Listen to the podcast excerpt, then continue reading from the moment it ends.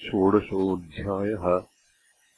दैवी, आसुरी, राक्षसी च इति प्राणिनाम् प्रकृतयो नवमे अध्याये सूचिताः तासाम् विस्तरेण प्रदर्शनाय अभयम् सत्त्वसंशुद्धिः इत्यादिः अध्याय आरभ्यते। तत्र संसारमोक्षाय दैवीप्रकृतिः निबन्धनाय आसुरी, राक्षसी च इति दैव्या आदानाय प्रदर्शनम् क्रियते इतरयोः परिवर्जनाय। श्रीभगवानुवाच। अभयम् सत्त्वसंशुद्धिर्ज्ञानयोगव्यवस्थितिः। दानम् दमश्च यज्ञश्च स्वाध्यायस्तप आद्यवम्। अभयम् अभीरुता।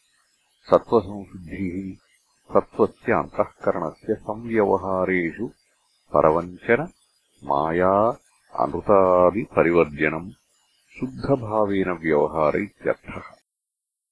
ज्ञानयोगव्यवस्थितिः ज्ञानम् शास्त्रत आचार्यतश्च आत्मादिपदार्थानाम् अवगमः।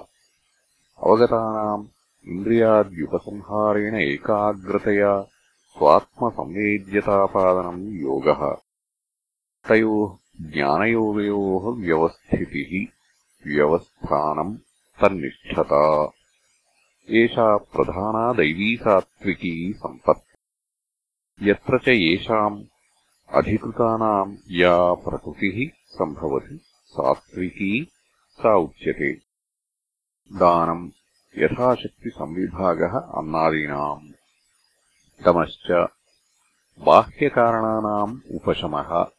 अन्तःकरणस्य उपशमम् शान्तिम् वक्ष्यति यज्ञश्च श्रौतः अग्निहोत्रादिः स्मार्तश्च देवयज्ञादिः स्वाध्याय ऋग्वेदाद्यध्ययनम् अदृष्टार्थम्। तपो वक्ष्यमाणम् शरीरादि आर्जवम् ऋजुत्वम् सर्वदा। किञ्च अहिंसा सत्यमक्रोधस्त्यागः शान्तिरपैषुनम् दयाभूतेष्वलोलुप्त्वम् मार्दवम् श्रीरचापलम् अहिंसा अहिंसनम् प्राणिनाम् पीडावर्जनम् सत्यम् अप्रियानृतवर्जितम् यथाभूतार्थवचनम्। अक्रोधः परैः आकृष्टस्य अभिहतस्य वा प्राप्तस्य क्रोधस्य उपशमनम् त्यागः सन्न्यासः। पूर्वम् दानस्य उक्तत्वात् शान्तिः अन्तःकरणस्य उपशमः। अपैशुनम् अपिशुनता परस्मै पररन्ध्रप्रकटीकरणम् पैशुनम्। तदभावः अपैशुनम्। दया कृपा। भूतेषु दुःखितेषु। अलोलुप्त्वम् इन्द्रियाणाम् विषयसन्निधौ अविक्रिया मार्दव मृदुता अक्रौर्यम् ह्रीः लज्जा अचापलम् असतिप्रयोजने वाक्पाणिपादादीनाम् अव्यापारयितृत्वम् किञ्च तेजः क्षमा धृतिः शौचमद्रोहो नातिमानिता। भवन्ति सम्पदम् दैवीमभिजातस्य भारत। तेजः प्रागल्भ्यम् न स्वर्गतादिक्तिः क्षमा आकृष्टस्य ताडितस्य वा अन्तर्विक्रियानुत्पत्तिः उत्पन्नायाम् विक्रियायाम् प्रशमनम् अक्रोध इति अवोचाम इत्थम् क्षमाया अक्रोधस्य च विशेषः। धृतिः देहेन्द्रियेषु अवसादम् प्राप्तेषु। तस्य प्रतिषेधकः अन्तःकरणवृत्तिविशेषो। येन उत्तम्भितानि करणानि देहश्च न अवसीदन्ति शौचम् द्विविधम् मज्जदत्तम् बाह्यम्। आभ्यन्तरम् च मनोबुद्ध्योः नैर्मल्यम्। मायारागादिकालुष्याभाव एवम् द्विविधम् शौचम्। अद्रोहः परजिघांसाभावः अहिंसनम्। नातिमानिता अत्यर्थम् मानः अतिमानः। स यस्य विद्यते सः अतिमानी। तद्भावः अतिमानिता। तदभावो नातिमानिता। आत्मनः पूज्यतातिशयभावनाभाव इत्यर्थः भवन्ति अभयादीनि एतदन्तानि। सम्पदम् अभिजातस्य। किम् विशिष्टाम् सम्पदम्? दैवीम्। देवानाम् सम्पदम् अभिलक्ष्य जातस्य। दैवविभूत्यर्हस्य। भाविकल्याणस्य इत्यर्थो हे भारत अथ इदानीम् आसुरी सम्पदुच्यते। दम्भो दत्पोतिमानश्च क्रोधः पारुष्यमेव च। अज्ञानम् चाभिजातस्य पार्थसम्पदमासुरीम्। दम्भो धर्मध्वजित्वम्। दर्पो धनस्वजनादिनिमित्त उत्सेकः अतिमानः पूर्वोक्तः। क्रोधश्च पारुष्यमेव च। परुषवचनम् यथा काणम् चक्षुष्मान् विरूपम् रूपवान्। हीनाभिजनम् उत्तमाभिजन इत्यादि। अज्ञानम् च अविवेकज्ञानम् मिथ्याप्रत्ययः कर्तव्याकर्तव्यादिविषयम्। अभिजातस्य पार्थ किम् अभिजातस्य इति आह असुराणाम् सम्पत् आसुरी ताम् अभिजातस्य इत्यर्थः। अनयोः सम्पदोः कार्यम् उच्यते। दैवी सम्पद्विमोक्षाय निबन्धायासुरीमता मासु च सम्पदम् दैवीमभिजातोऽसि पाण्डव दैवीसम्पत् या सा विमोक्षाय संसारबन्धनात्। निबन्धाय नियतो बन्धो निबन्धः तदर्थम्। आसुरी सम्पत् मता अभिप्रेता तथा राक्षसी। तत्र एवमुक्ते अर्जुनस्य अन्तर्गतम् भावम्। किमहम् आसुरसम्पद्युक्तः? किम् वा दैवसम्पद्युक्त इति एवम् आलोचनारूपम् आलक्ष्य आह भगवान्। मा शुचः। शोकम् आकार्षीः। सम्पदम् दैवीम् अभिजातः असि अभिलक्ष्य जातः असि भाविकल्याणः त्वमसि इत्यर्थो हे पाण्डव! द्वौ भूतसर्गौ लोकेऽस्मिन् दैव आसुर एव च। दैवो विस्तरशः प्रोक्त आसुरम् पार्थ मे शृणु द्वौ द्विसङ्ख्याकौ भूतसर्गौ भूतानाम् मनुष्याणाम् सर्गौ सृष्टी भूतसर्गौ सृज्येते इति सर्गौ भूतानि एव सृज्यमानानि दैवासुरसम्पद्युक्तानि द्वौ भूतसर्गौ इति उच्येते। द्वयोः प्राजापत्यादेवाश्चासुराश्च बृहदारण्यकोपनिषत् एकम् त्रि एकम् इति श्रुतेः।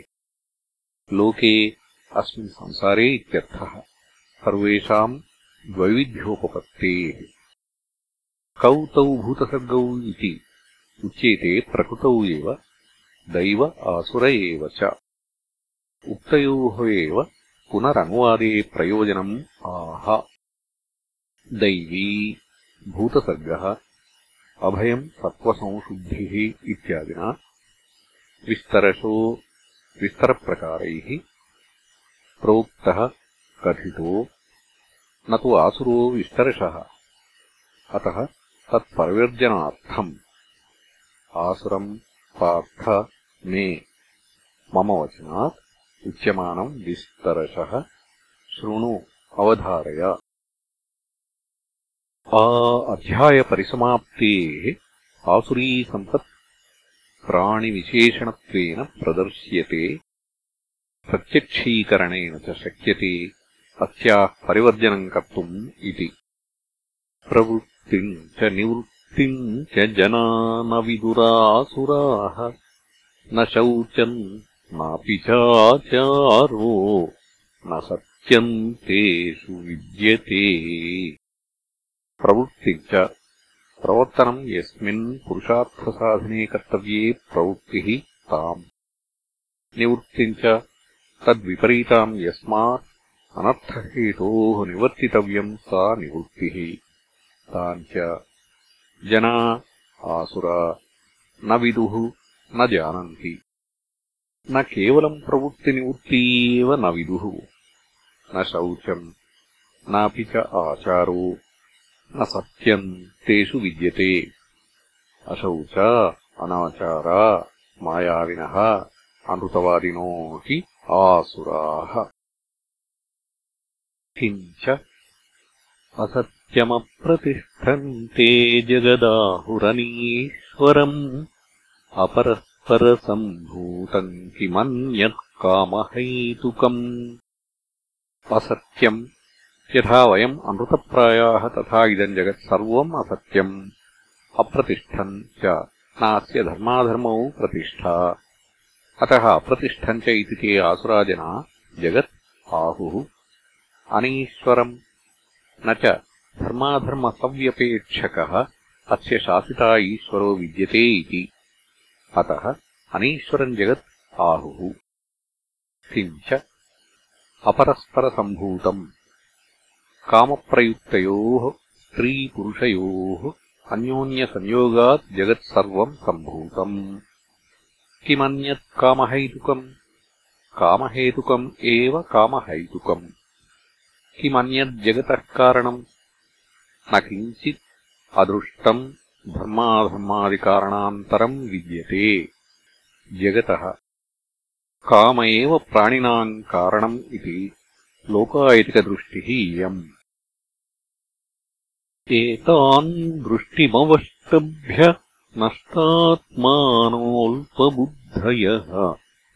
प्रभवन्त्युग्रकर्माणः क्षयाय जगतो हिताः। एताम् दृष्टिम् अवष्टभ्य आश्रित्य नष्टात्मानो नष्टस्वभावा विभ्रष्टपरलोकसाधना अल्पबुद्धयो विषयविषया अल्पा एव बुद्धिः। येषाम् ते अल्पबुद्धयः। प्रभवन्ति उद्भवन्ति। उग्रकर्माणः क्रूरकर्माणो हिंसात्मकाः। क्षयाय जगतः प्रभवन्ति इति सम्बद्धः। जगतः अहिताः शत्रव इत्यर्थः। ते च काममाश्रित्य दुष्पूरम् दम्भमानमदान्विताः मोहाद्गृहीत्वा सद्ग्राहान् प्रवर्तन्ते शुचिव्रताः। कामम् इच्छाविशेषम्। आश्रित्य अवष्टभ्य दुष्पूरम् अशक्यपूरणम् दम्भमानमदान्विता। दम्भश्च मानश्च मदश्च दम्भमानमदाः। तैः अन्विता दम्भमानमदान्विता। मोहात् अविवेकतो गृहीत्वा उपादाय असद्ग्राहान् अशुभनिश्चयान्। प्रवर्तन्ते लोके अशुचिव्रता अशुचीनि व्रतानि येषाम् ते अशुचिव्रताः। किञ्च चिन्तामपरिमेयाम् च प्रलयान्तामुपाश्रिताः कामोपभोगपरमा एतावदिति निश्चिताः। चिन्ताम् अपरिमेयाम् च न परिमातुम् शक्यते यस्याश्चिन्ताया यत्ता सा अपरिमेया। ताम् अपरिमेयाम्। प्रलयान्ताम् मरणान्ताम् उपाश्रिताः सदा चिन्तापरा इत्यर्थः। कामोपभोगपरमाः। कामयन्ते इति कामाः शब्दादयः तदुपभोगपरमाः। अयमेव परमः पुरुषार्थो यः कामोपभोग इति एवम् निश्चितात्मान। एतावदिति निश्चिताः। आशापाशशतैर्बद्धाः कामक्रोधपरायणाः। इहन्ते कामभोगार्थमन्यायेनार्थसञ्चयान्। आशापाशशतैः आशा एव पाशाः तच्छतैः आशापाशशतैः। बद्धा नियन्त्रिता सन्तः सर्वता आकृष्यमाणाः कामक्रोधपरायणाः कामक्रोधौ परम् अयनम्। पर आश्रयो येषाम् ते कामक्रोधपरायणाः। ईहन्ते चेष्टन्ते कामभोगार्थम् कामभोगप्रयोजनाय न धर्मार्थम्। अन्यायेन अर्थसञ्चयान् अर्थप्रचयान् अन्यायेन परस्वापहरणादिना इत्यर्थः ईदृशश्च तेषाम् अभिप्रायः। इदमद्य मया लब्धमिदम् प्राप्ये मनोरथम् इदमस्तीदमपि मे भविष्यति पुनर्धनम्। इदम् द्रव्यम्। अद्य इदानीम् मया लब्धम् इदम्। अन्यत् प्राप्स्ये। मनोरथम् मनस्तुष्टिकरम् इदम् च अस्ति इदमपि मे भविष्यति। आगामिनि संवत्सरे पुनः धनम् तेनाहम् धनी विख्यातो भविष्यामि। असौ मया हतः शत्रुर्हनिष्ये चापरानपि। ईश्वरोऽहमहम् भोगी सिद्धोऽहम् बलवान् सुखी असौ देवदत्तनामा। मया हतो दुर्जयः शत्रुः। हनिष्ये च अन्यान् वराकान्। अपरान् अपि। किम् एते करिष्यन्ति तपस्विनः? सर्वथापि नास्ति मत्तुल्य ईश्वरः अहम्। अहम् भोगी। सर्वप्रकारेण च सिद्धः अहम्।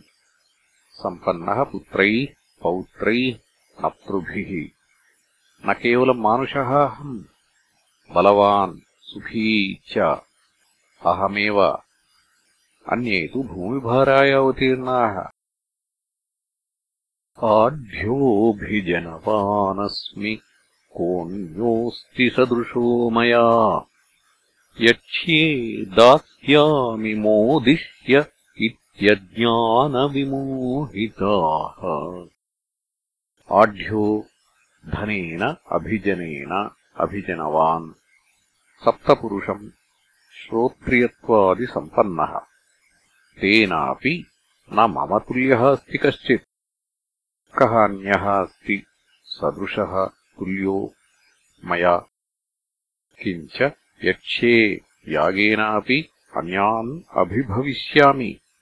दास्यामि नटादिभ्यो मोदिष्ये हर्षम् च अतिशयम् प्राप्स्यामि इति एवम् अज्ञानेन विमोहिता अज्ञानविमोहिता।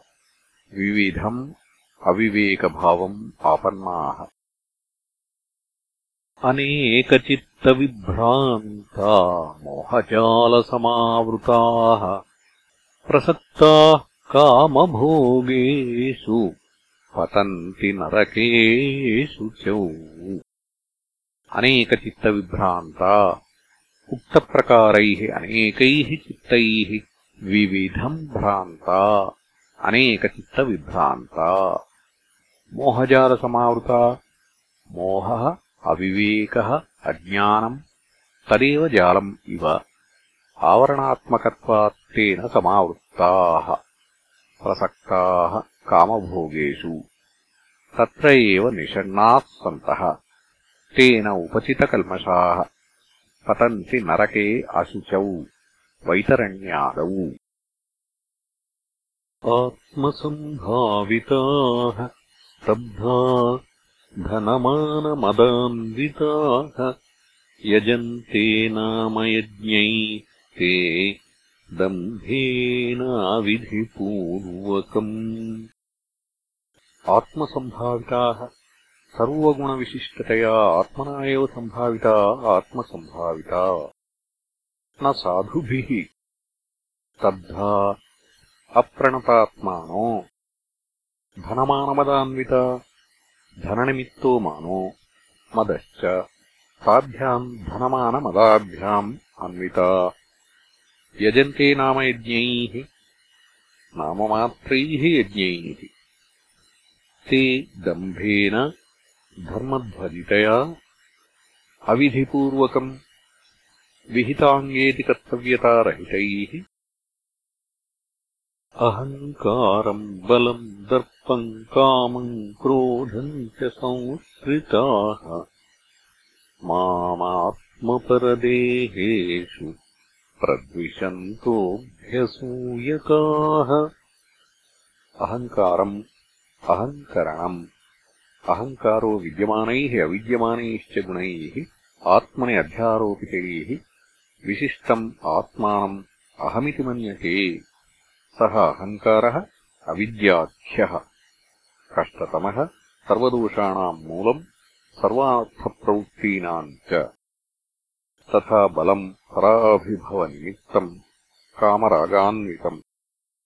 दर्पम् दर्पो नाम यस्य उद्भवे धर्मम् अतिक्रामति सः अयम् अन्तःकरणाश्रयो दोषविशेषः।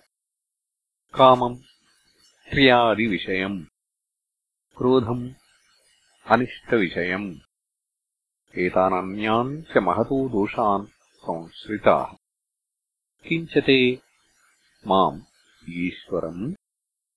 आत्मपरदेहेषु स्वदेहे परदेहेषु च तद्बुद्धिकर्मसाक्षीभूतम् माम् प्रद्विषन्तो मच्छासनातिवर्तित्वम् तद्वेषः तम् कुर्वन्तः। अभ्यसूयकाः सन्मार्गस्थानाम् गुणेषु असहमानाः। तानहम् द्विषतः क्रूरान् संसारेषु नराधमान् क्षिपाम्यजस्रमशुभानासुरीष्वेव योनिषु। तान् अहम् सर्वान् सन्मार्गप्रतिपक्षभूतान् साधुद्वेषिणो द्विशतश्च माम् क्रूरान् संसारेषु एव नरकसंसरणमार्गेषु नराधमान् अधर्मदोषवत्वात् क्षिपामि प्रक्षिपामि। अजस्रम् सन्ततम्। अशुभान् अशुभकर्मकारिण आसुरीषु एव क्रूरकर्मप्रायासु व्याघ्रसिंहादियोनिषु क्षिपामि इति अनेन सम्बन्धः। आसुरीम् योनिमापन्ना मूढा जन्मनि जन्मनि मामप्राप्यैव कौन्तेय ततो यान्त्यधमाम् गतिम् आश्रीन्योनिम् आपन्नाः प्रतिपन्ना। मूढा जन्मनि जन्मनि। अविवेकिनः प्रतिजन्म। तमो बहुलासु एव योनिषु जायमाना। अधो गच्छन्तो मूढा। माम् ईश्वरम् अप्राप्य अनासाद्य एव हे कौन्तेय। ततः तस्मात् अपि यान्ति अधमाम् निकृष्टतमाम् गतिम्। माम् अप्राप्य एव इति न मत्प्राप्तौ काचिदपि आशङ्का अस्ति। अतो मच्छिष्टसाधुमार्गम् अप्राप्य इत्यर्थः सर्वस्यासुर्याः सम्पदः सङ्क्षेपः अयमुच्यते। यस्मिन् त्रिविधे सर्व आसुरसम्पद्भेदः अनन्तः अपि अन्तर्भवति यत्परिहारेण परिहृतश्च भवति। यन्मूलम् सर्वस्यार्थस्य तदेतदुच्यते। त्रिविधम् नरकस्येदम् द्वारम् नाशनमात्मनः कामः क्रोधस्तथा लोभः तस्मादेतत्त्रयम् त्यजेत् त्रिविधम् त्रिप्रकारम् नरकस्य प्राप्तौ। इदम् द्वारम् नाशनम् आत्मनो। यद्द्वारम् प्रविशन्नेव, नश्यति आत्मा। कस्मैचित्पुरुषार्थाय योग्यो न भवति इति एतत्। अत उच्यते द्वारम् नाशनम् आत्मनः इति। किम् तत्? कामः? क्रोधः? तथा लोभः। तस्मात् एतत्त्रयम् त्यजेत् यत एतद्वारम् नाशनम् आत्मनः। तस्मात् कामादित्रयमेतत् त्यजेत्। त्यागस्तुतिरियम्। एतैर्विमुक्तः कौन्तेयतमोद्वारैस्त्रिभिर्नरः आचरत्यात्मनः श्रेयस्ततो याति पराम् गतिम्। एतैः विमुक्तः कौन्तेय तमोद्वारैः। तमसो नरकस्य दुःखमोहात्मकस्य द्वाराणि कामादयः। तैः एतैः। त्रिभिः विमुक्तो। नर आचरति अनुतिष्ठति। किम्? आत्मनः श्रेयो यत्प्रतिबद्धः पूर्वन्नाचरति तदपगमात् आचरति। ततः तदाचरणात् याति पराम् गतिम् मोक्षम् अपि इति। सर्वस्य एतस्य आसुरसम्पत्परिवर्जनस्य श्रेय आचरणस्य च शास्त्रम् कारणम्। शास्त्रप्रमाणात् उभयम् शक्यम् कर्तुम् न अन्यथा अतः यः शास्त्रविधिमुत्सृज्य वर्तते कामकारतः।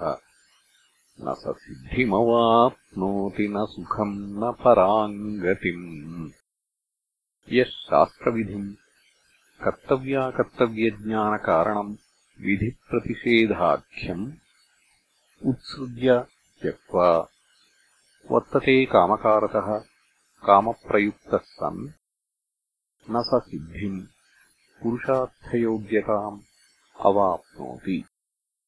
न अपि अस्मिन् लोके सुखम्। न अपि पराम् प्रकृष्टाम् गतिम् स्वर्गम् मोक्षम् वा। तस्माच्छास्त्रम् प्रमाणन्ते कार्याकार्यव्यवस्थितौ ज्ञात्वा शास्त्रविधानोक्तम् कर्म कर्तुमिहार्हसि तस्मात् शास्त्रम् प्रमाणम् ज्ञानसाधनम् ते तव कार्याकार्यव्यवस्थितौ कर्तव्याकर्तव्यव्यवस्थायाम्। अतो ज्ञात्वा बुद्ध्वा शास्त्रविधानोक्तम् विधिः विधानम्। शास्त्रेण विधानम् शास्त्रविधानम्। कुर्यात् न कुर्यात् इति एवम् लक्षणम्। तेन उक्तम् स्वकर्म यत्तत्। कर्तुम् इह अर्हसि। इह इति कर्माधिकारभूमिप्रदर्शनार्थम् इति। श्रीमहाभारते शतसाहस्र्याम् संहितायाम् वैयासिक्याम् भीष्मपर्वणि श्रीमद्भगवद्गीतासूपनिषत्सु ब्रह्मविद्यायाम् योगशास्त्रे श्रीकृष्णार्जुनसंवादे दैवासुरसम्पद्विभागयोगो नाम षोडशोऽध्यायः इति श्रीमत्परमहंसपरिव्राजकाचार्यगोविन्दभगवत्पूज्यपादशिष्य श्रीमच्छङ्करभगवतः कृतौ श्रीभगवद्गीताभाष्ये सम्पद्विभागयोगो नाम षोडशोऽध्यायः